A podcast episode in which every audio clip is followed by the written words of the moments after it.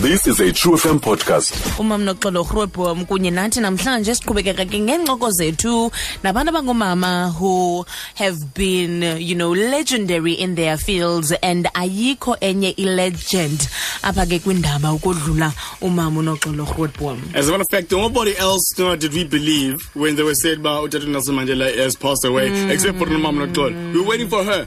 To, to say it. Yeah, she was the only one we were going to believe. uyayi-understand mam noxolo enkosi kakhulu ngexesha lakho. Sikubulise sikwamkele true f m enkosi enkosi mamtshawe enkosi. Siyabulela ngeli thuba ndifuna mna ukhe undixelele the first time wawusithi okanye wawu- wawuthetha la mazwi ndinithanda nonke emakhaya. Did you think iyawuba into yakho yeminyaka? Iyawuba into yakho eza kutrendisa? When you say it people feel warm inside they feel okay. Noba umntu had a bad day once uthi wena ndinithanda nonke emakhaya iqonda into yobana ingxaki ngoku ziphelile. The first time wa- wawathetha la mazwi did you ever notice okanye did you ever think iyawuba yinto important kangaka? Azange ndiyicinge. Mna ndandicinga nje into okokubana yindlela endivakalisa ngayo indlela endiziva ngayo. Nge- ngentlonipho nangothando endilufumana ebantwini. Mna ndandibuyisa nje into abandinika yona. Mm. ndandingayazi into okokubana kanti izawuhamba ihambe ihambe izala amathole. namathokazi hayi it's a thing. It is a thing. Ndikhumbula the first time you said it ukubuya kwakho la 10 days sizile umama uwini? The first time you said it yo twitter facebook wonke umntu they went Yo. crazy. yo into zenu into zethu nathatha nathatha a child of the 60s nayifaka kwiinto zeni kwalithi. Khawusibuyise umva ke apha ekukhuleni wawungumntana onjani? Yho kuthiwa nandindwebe ingathi ndiyintakumba kuthiwa kuthiwa ndanditakataka ndixelele ndingugqatsiwe. Mm. ndithanda ukuzigqatsa. Mm. kodwa kukho kukho nto a- a- a- aba- abayiqaphelayo em o- o- abazali ababendikhulisa. Yokokubana ndandithanda ukuba phambili ezintweni especially izinto ezinokurisayitha uyaqonda?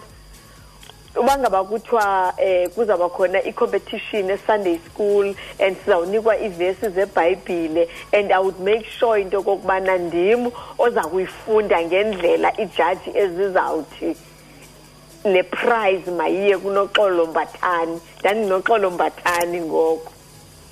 Nda- ndandingumntana onjalo ndandingumntana ocurious futhi noba kuthethwa naye ufumanisa into yobana indlebe ndiyibekile. Ufumanisa uba ndiyaphendula nalapho kungafunekanga ndiphendule khona. So ndakhula ndingumntana onjalo kodwa um ndakhula ndingumntana omnandi. Okay. Um I- i- ingaba mhlambi as a girl child ingakumbi kula maxesha? Um zintoni okanye zeziphi i- imfundiso owazifumanayo ekhayeni to make sure into yobana ngaba you get educated you get a career uyagqwesa kwicareer yakho eh, ezisuka ekhayeni? Uyazi eh abantu abaninzi badla ngokuthi umuntu okhuliswe ngumakhulu notatomkhulu u- u- uba ngundopho umntana amayeza abe spoiled. Kodwa mna azange ndibe njalo. Nda- ndakhuliswa ngumakhulu notatomkhulu kwicala likamama. Kodwa isandla abandikhulisa ngal- ngaso yayisisandla esingqindilili kodwa sinothando. Ukubona into yokokubana umntu noba uyambetha uyakubetha uqonda uba endaweni yokokuba ubaleke uyofuna uthuthuzelwa ngomnye umntu. Uthi ngokwakubethayo uze kuye ufuna uthuthuzelwa nguye ngoba uya- uyayazi the other side yesi sandla sikubethayo into yokokubana lukhona uthando kuso. Ndakhuliswa ngabazali abanjalo abazali ababe-strict kodwa benothando. Into yokuqala ke endayifumanayo leyo into yokokubana ikhona le nto kuthiwa yi-tough love. And ukhona umahluko phakathi kwe-tough love nale nto nina nithi yi-abuse. Okay. Eh alright so masingene apha ke ngoku ekufundeni kwakho indaba. Yeyi wazifunda indaba more than three decades. And wa- wafumana uthando nenkxaso kakhulu. Abantu bekuthanda nendlela ofunda ngayo. Um what kept you going? And what kept you getting better and better as a professional as a woman in news eh ude ubizwe ngoku nje ngegqala lendaba? Uyabona ukungena kwam ndahlonipha izihlangu endandingena kuzo ndandingena ezihlangwini zomntu endandimhlonipha kakhulu usisithandi. Umntu who mentored me even on her deathbed. Umuntu ngelaa xesha endandimbambele endaweni yoba benomona would pick up the phone andifowunele athi well done you are not going anywhere. Uyahlala apho. Umntu bezawuthi noba uyandilungisa ufumanise into yokokubana le ndlela andilungisa ngayo i-constructive. Uyaqonda?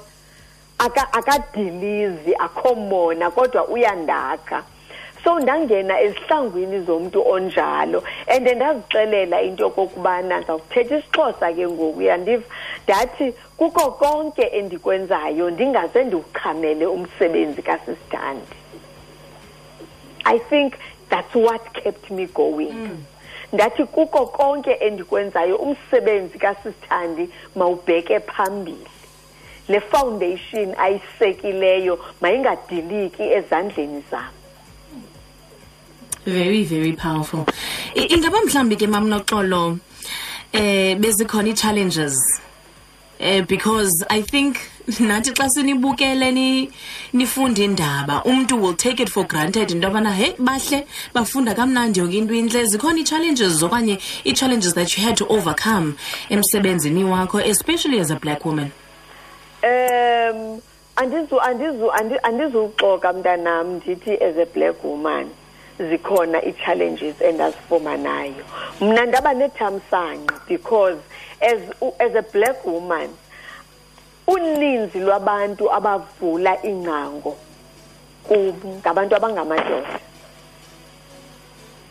Abantu who nurtured me abantu ababona into yokokubana ikhona into engathi ikhona apha kule ntombi kajebese. Ikhona into engathi uyiphathisiwe umamfene ngabantu abangamadoda.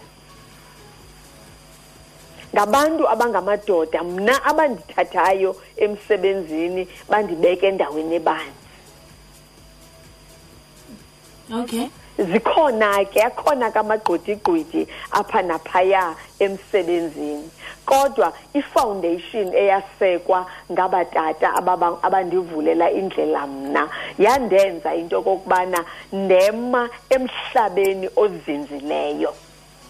Kuthi naxa kuvela imimoya ofumanisa into okokubana indisa ngapha nangapha mhlawumbi yophula intliziyo ufumanisa into okokubana esi siseko ndikuso sithi awugunqi Eh mam noxolo usekhona kwindaba as an editor ingaba mhlawumbi ke ungathini? Because ndinento ethi not all of us will be behind the mic okanye behind the camera. Umntu ngamnye unetalente yakhe uza kuyisebenzisa kule broadcasting. Bakhona abaninzi abanqwenela ukuba sezindabeni journalists aspiring uh, news readers aspiring uh, broadcasters. Ungathini kuba ukubakhuthaza kule ndawo bakuyo? Um ukuba ngaba ungumfundi wendaba. Masithi mhlawumbi ungumfundi wendaba ngolwimi lwesixhosa. Because mna ndandi- ndandifunda iindaba zesixhosa.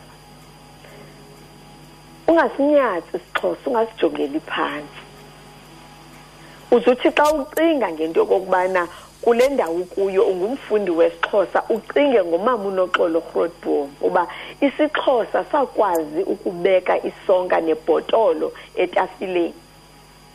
Ukhumbule into yokokubana isixhosa sakwazi into yokokubana sifundise silole ikamva labantwana bakamama unoxolo grotboom umama unoxolo grotboom ngesi sixhosa wakwazi into yokokuba abe ngumama womzi okwazileyo ukwakha umzi wakhe ewakha ngesi sixhosa. Uzu- uzungabona abantu abaninzi bekhumsha. Uqonda into okokubana nawe mawubalekele ngasekukhumsheni kuba ingathi isixhosa esi sibackward ukuba ngaba ubekiwe wangumfundi wesixhosa sihloniphe isixhosa uyazi into okokubana isixhosa sinaso isakhono sokukuthatha sikubeke endaweni ebanzi. And kuloo ndawo ukuso nawe unaso isakhono sokuthatha isixhosa usibeke endaweni ebanzi. Hey, enkosi mama, andikwazi ukuyeka tu ungawathethanga la mazwi akho. If you can, please, ndicela nje siyiqukumbele ngawo. uyabona ke i- i- into endizayithetha ke ndizawuthi kubaphulaphuli ndiyazi into yokokuba kusesemini.